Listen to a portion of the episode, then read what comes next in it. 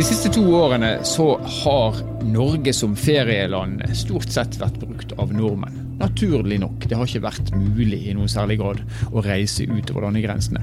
Nå kan man reise hvor som helst, men fortsatt så ser vi at eh, Norge er topp feriedestinasjon for nordmenn. Hvorfor er det blitt sånn? Dette er Nord-Norge i verden. Mitt navn er Stein Vidar Loftaas.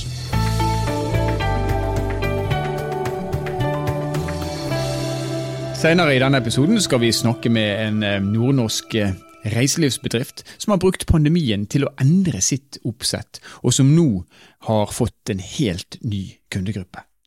Men aller først skal vi snakke med NHO Reiseliv. For til tross for en lang pandemi, så velger altså fortsatt mange nordmenn å feriere i Norge, og øverst på listene Nord-Norge. Åtte av ti nordmenn planlegger å ta sommerferie i år, og av disse så skal 66% altså to tredjedeler, feriere i Norge. Det viser en undersøkelse som TNS Gallup har gjort for NHO Reiseliv. Og Nå har vi med oss fagdirektør for næringspolitikk i nettopp NHO Reiseliv, Ole Mikael Bjørndal. Velkommen til oss. Tusen takk for det. Du, Når vi ser på den statistikken som nettopp er sluppet, er du overraska over at så mange nordmenn fortsatt velger Norge som reisemål? Til tross for at restriksjonene er mer eller mindre borte? Uh, altså nå er det sikkert mange som tror at jeg vil være programforpliktet til å si nei, jeg er ikke overrasket, men jeg, jeg er faktisk heller ikke overrasket uh, over det. Fordi uh, vi ser at Norge som reisemål er svært attraktivt internasjonalt. Og jeg tror nok at pandemien har gjort at svært mange flere har fått øynene opp for Eh, altså de, de, de, nære opplevelsene eh, som man kan få i Norge, og hvor både praktisk og fint og unikt man kan ha det på en ferie i Norge. Så man, man lærte det under, eh, under, pandemien, når man da hadde kun Norge som et alternativ? Ja, altså vi så jo at den trenden når øh, vi, spur, vi, har jo spurt noen år nå altså dersom du må velge mellom Norge og utlandet, hva vil du velge? Og så så vi at man møttes på midten der i 2019, så allerede før pandemien så, så var det en endring der. Men uh, den ble nok forsterket av at man nærmest ble, ble, tvunget til å feriere i eget land. Og så er det jo noe med at uh, når man ser at naboer og familie har hatt det veldig flott på ferie i Norge, så får man lyst til å gjøre det samme selv, og kanskje dra til andre steder Eh, hvis man var på ferie ett sted i Norge i 2021, så kan, får man kanskje lyst, lyst til å dra til et annet sted i 2022. Ja. Så det er, jeg er ikke overrasket. Men Tenker du at dette er begynnelsen på noe, noe varig? Altså Er det en varig trend at vi kommer til å reise mindre til utlandet og, og velge Norge altså litt over lang tid? Ja, man, man, kan jo håpe på det. Altså, som jeg sa, så, så, så vi at flertallet eh, ville velge utlandet eh, i 2017 og 2018, og at det knekkpunktet da møttes i 2019, og at vi nå ser en betydelig endring med flere, altså det er 49% i år som svarer at de vil velge Norge, eh, mot 41% som, svare, eh, som svarer utlandet. da. Mm. Eh, men så er det jo også noe med at vi har en kjempemulighet til å eksportere grønt reiseliv i Norge. Og noe som bl.a. inkluderer at vi må få flere nordmenn til å feriere i eget land. Og det handler jo rett og slett om eksport. Så hvis Norge nå forsøker å få si, halvparten av de som reiser utenlands istedenfor reiser til Norge, så, så, har man uh, fått ganske mange flere milliarder inn i den norske kassa. Uh, og man har også da bidratt til at det er mindre utslipp og, og reiser utenlands. og en betydelig bedre eksportinntekt for Norge. Da. En win-win-win-situasjon der. Men hvis vi da tenker at den trenden som vi har sett i Norge, den har man sikkert også sett i andre land. Altså, det var jo ikke noe enklere å, å reise ut av egne landegrenser i andre land i Europa f.eks. Er det en fare for at alle de som vi da egentlig ønsker skal komme hit, at de også begynner å feriere i sine hjemland istedenfor? Nei, er, um, ja, du kan jo si at hvis det, det ville være naturlig, det. Men vi ser jo at veldig mange ser på det å F.eks. hvis du spør tyskere, briter, dansker, svensker eh, eller folk fra Frankrike, Nederland, eh, så ser vi, meldes jo tilbake nå at det er ganske bra besøk på eh, hotellene rundt omkring allerede nå i Norge fra disse nasjonalitetene. Og når de har blitt spurt av f.eks. Innovasjon Norge, så sier disse nasjonalitetene langt over 50% og noen til og med 75% altså svenskene f.eks., og de fra Frankrike, at å reise til Norge er et bærekraftig valg for meg. Og at de, de ønsker, ønsker, seg å reise hit. da. Så det er nok, Norge er nok et veldig attraktivt reisemål i nærmarkedet. At vi er, kanskje, kanskje sies at vi er en eksotisk del av nærmarkedet, det, det nordeuropeiske. Litt sånn Europas siste, siste villmark. Og vi ser jo også det at flere og flere vil, vil ikke bare ligge på stranden med, med, sololje, de vil utrette noe på ferie. De har lyst til å, til å oppleve noe, og da er Norge egentlig ganske unikt. Og vi ser jo det at opplevelsesnæringen i Norge er jo en næring også som har vokst ganske mye de mm. siste årene. Eh, og utviklet produktene som gjør at man opplever nå Norge også på en ny måte. Så jeg tror nok med de rette rammebetingelsene og eh, ja, så vil Norge absolutt kunne konkurrere om å, om å tiltrekke seg gjester fra utlandet. Ja. Men en, en, dreining, altså Man må anta at norske turister i Norge har andre forventninger til eh, sine opplevelser enn det eh, kinesiske har. Eh, og, og, Nå sier du at vi, altså for nærområdene våre så er vi en eksotisk utpost. Hva konsekvenser vil det her få for reiselivsnæringen? Må de innrette seg på en annen måte og tilby andre produkter, eller er, er, det godt nok det vi har? Ja, altså, eh, I et marked så må man alltid utvikle seg og, eh, og, finne på nye ting. Eh, sånn er konkurransen, og det er jo det som er fordelen for oss forbrukere også. At de som opererer i markedet, de, de er i en konkurransesituasjon som gjør at de stadig må forbedre seg. Men vi vet jo det at under pandemien nå så er det skjedd veldig mange bra ting. Altså Mange har brukt tiden til oppussing og utvikling av produkter. Man har fått nye menyer og nye hotellrom. Det er ganske mye som, eh, som frister. Altså inn I Oslo nå så åpner jo et uh, veldig flott nytt hotell på Solli plass, uh, Sommero, uh, som, som, vil bli et, sånn, et reisemål i, i, nabolaget for folk i Oslo. så det er ganske mye nytt som skjer. Ja.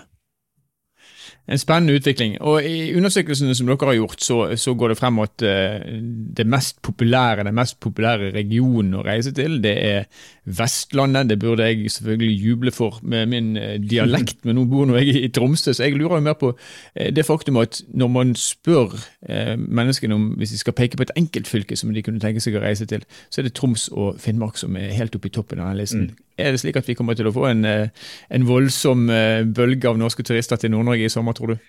Ja, altså det, det, kan fort skje, det. Eh, og det er jo det er for Jeg som f.eks. er fra, fra, Østlandet, nå har jeg vært mer i, i denne regionen enn andre siden jeg jobber med reiseliv, men jeg, jeg syns jo det er veldig spennende å dra litt lenger og se litt andre ting. Um, og oppleve litt andre temperaturer og andre fjorder enn det jeg kan gjøre hvis jeg drar på en vanlig ferie. Da, så det vil ikke overraske meg om det blir mye, mm, altså mye norske turister i Nord-Norge.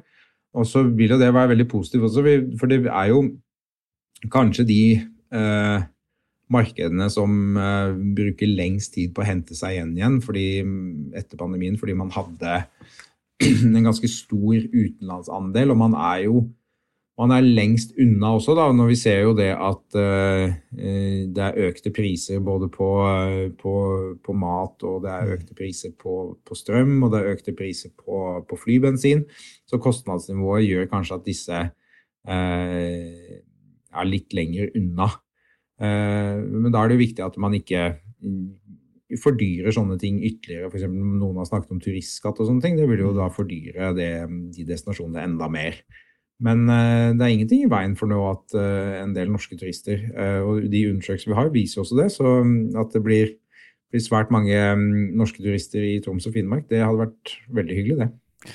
De er hjertelig velkommen. Helt til slutt, Ole Mikael Bjørndal, hvor går ferien din i år? Eh, det blir en kombinasjon av litt forskjellige ting. Jeg har små barn, så jeg eh, skal en tur til Arendal og skal en tur til, eh, til Hvaler, tenker jeg. Og så blir det vel en tur på min foreldres hytte i Sverige. Og så skal vi en uke til Kroatia også.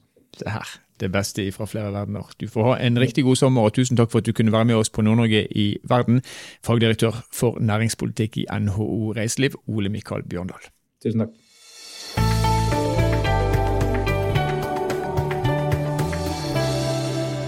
Reiselivsbedriften Kvarvøy sjøhus, som ligger i Lurøy i Nordland, var tidligere avhengig av å sikte seg inn mot utenlandske fisketurister. Men så kom pandemien. Istedenfor da å legge inn årene, så har bedriften brukt de to siste årene til å omstille seg for å nå helt nye kundegrupper. Og Nå er vi med oss eh, Kai Arne Buksholt Knutsen, som er gründer og daglig leder ved nettopp Kvarvøy sjøhus. Og velkommen til oss, eh, Kai Arne. Takk skal du ha. Du, De siste to årene, kan ikke du si litt om hvordan de har vært? Ja, vi eh, overtok jo og, og begynte å styre campen rett før eh, covid. Jeg har jo styra litt grann lenger enn min samboer som kom i lag med da. Og eh, da var vi en del av din tur og en standard fiskecamp. Så da var det jo kroken på døra med en gang med gjester. Ja. Så um, da måtte vi tenke nytt. og jeg er heldig som har medeiere i Kvari fiskeoppdrett som, som, ga oss frihet til det. da. Så da begynte vi å søke etter opplevelsesgjester og norske gjester. Og i den sammenheng så måtte vi jo ha noe annet enn bare fiske å tilby. og eh, da pussa vi opp og begynte med litt fridykking og toppturer og den biten der. Mm. Så mer en komplett opplevelsespakke man kan få hos dere. Men de, de, de, som var kundene deres før den tid, hva var det de kom for? De kom for eh, å fiske. Ferdig, ferdig snakka. Vi kan si de som kom hit kan du si, fra Tyskland for å fylle fryseren sin uh, til randen, de var, de var, vi ikke interessert i. Så vi begynte jo for uh, tre-fire år før pandemien med å besøke noe som heter sportsfiskemessene i Sverige. Og der fikk vi jo opp øynene for at det fantes andre som uh, er interessert i fiske, men på en bærekraftig måte, da, kan, kan du si. Ja. Mm. Så de kom, de kom, egentlig for maten, de kom ikke for, for opplevelsene, de som var de, de vanligste kundene deres?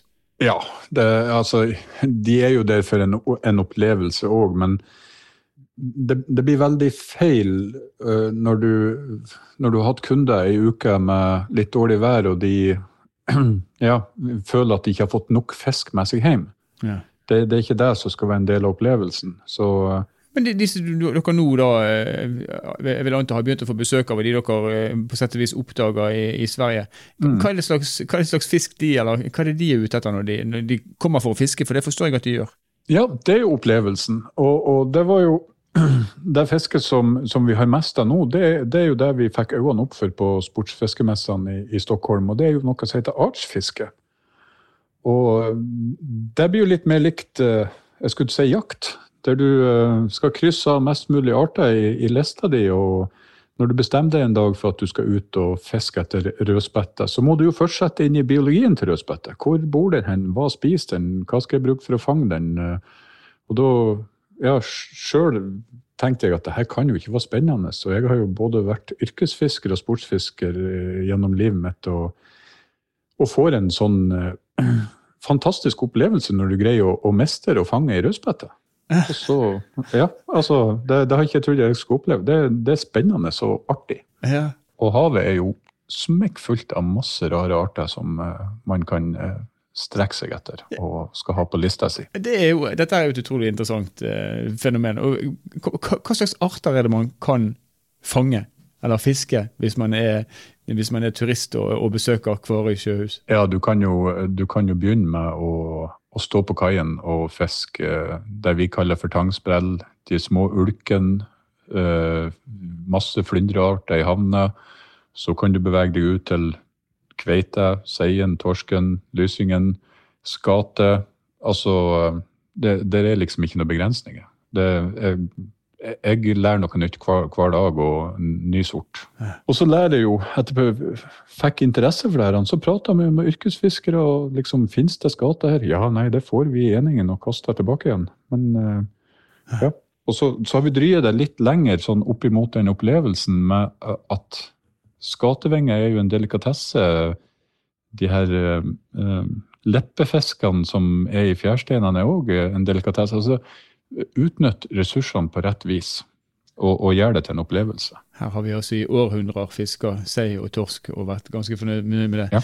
Dette her er fascinerende. Har, går det an å spørre deg, Hvor mange arter er blitt tatt på land? Hvor mange forskjellige arter er blitt tatt på land hos, hos dere? Oh, det var et godt spørsmål, men eh, det tror jeg nok vi har i hvert fall runde 40 arter. Det tror jeg. Ja. Er stilig. Mm. De har målgruppene deres, altså tyskerne som, som, kom før Det er litt feil å si at alle tyskere var på jakt etter masse Nei, ja, nei det blir feil å, å, kalle det fra den ene eller den andre plassen. For det, det finnes eh, nordmenn som drar på fiskeferie på, på samme vis. Ja, kjempeviktig presisering der. Men ja. allikevel, når du nå ser på de nye kundene deres, hva er det som, eh, er det som kjennetegner de? Er det nasjonalitet, eller kommer de fra overalt, de også? Ja, jeg, jeg, tror det er tilfeldig at, at vi har mest eh, svenske fiskere av den typen. Men eh, jeg ser jo etterpå med Fiskeskolen og Seberg og, og våre promoteringer, så har vi mer og mer norske folk som, som kommer innom ja. og, og, og leier for en par dager for å prøve å guide turer med meg. Og, ja, jeg får masse telefoner. Fins den og den arten av stokker? Og hvis han gjør det, så bruker jeg ofte å og følge opp med at ja, men da, da leier jeg ei helg hos deg. artig. Dette er artig. Hva, hva, mm. tenker du da? Nå er det første, første år igjen etter en lang, altfor lang pandemi, og dette ting er tilbake igjen til omtrent det normale. Hvordan ser sommeren ut hos dere?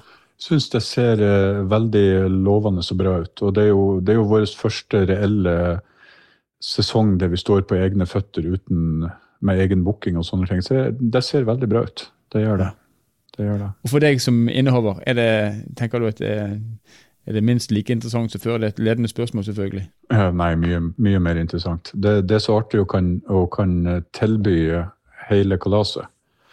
Det er en mer krevende jobb som vert, men hvis du er glad i folk, så, så treffer du kundene dine mye mer. Den standard fisketuristen, han, han ser du ikke. Han er ute og fisker hele dagen, og så sover han, og så drar ut og fisker. og mens de her karene her, de er, plutselig får du en snap fra alle fjelltopper, og så er de ute og fridykker kamskjell, eller se her, jeg har fått en breiflabb. ja, altså det blir, det blir mer liv og røre og, og artig. Hvor bra. Jeg kjente jeg fikk lyst til å besøke Kvarøy sjøhus sjøl og fiske arter som jeg mm. kanskje ikke engang vet finnes. Jeg ønsker dere masse lykke til med årets sesong og alle sesongene deretter. Og tusen takk for at du kunne være med oss, Kai Arne Bukseth Knutsen, som er gründer og daglig leder ved Kvarøy sjøhus. Takk for meg. Så Norge er altså eh, fortsatt det mest populære feriemålet for nordmenn, og helt i toppen av eh, ja, Hvis man måler på fylkene, da, så er det Nordland og Troms og Finnmark. Det er der de fleste ønsker å reise. Samtidig så er det slik at de som kommer fra andre land, de har fortsatt lyst til å besøke Norge. Så vi får på en måte både i pose og, og, i sekk. Og så er det utrolig interessant å høre fra Kvarøy de som faktisk da har brukt pandemien til å etablere et helt nytt produktspekter. Og ikke minst et produktspekter som er mye mer bærekraftig enn det man har gjort før. Eh, det å dra på artsjakt hos eh, reiselivsbedriften der på Kvarøy. Det er noe jeg virkelig kunne tenkt meg sjøl. Og det er kanskje en ny trend vi, eh, vi, ser der, som vi også vil kunne etter hvert finne ved mange av reiselivsbedriftene i Nord-Norge. For vi er nært sjøen, og der er en rekke arter i sjøen, antakelig langt flere enn det de fleste av oss er klar over. Så får vi se da om denne statistikken her kommer til å eh, se lik ut til neste år, eller om ting kommer til å gå tilbake igjen til sånn som det var før. Vi vet i hvert fall at for 2022, eh, sommeren 2022, så kommer veldig mange nordmenn til å bli i gamlelandet. Og mange av de kommer til å besøke Nord-Norge. Det er vi veldig glad for. Nord-Norge i verden er en podkastserie som er produsert av Sparebank1 Nord-Norge i samarbeid med Helt Digital. Musikken du har hørt er laga av Emil Karlsen. Mitt navn er Stein Vidar Loftaas. Vi høres igjen i neste episode.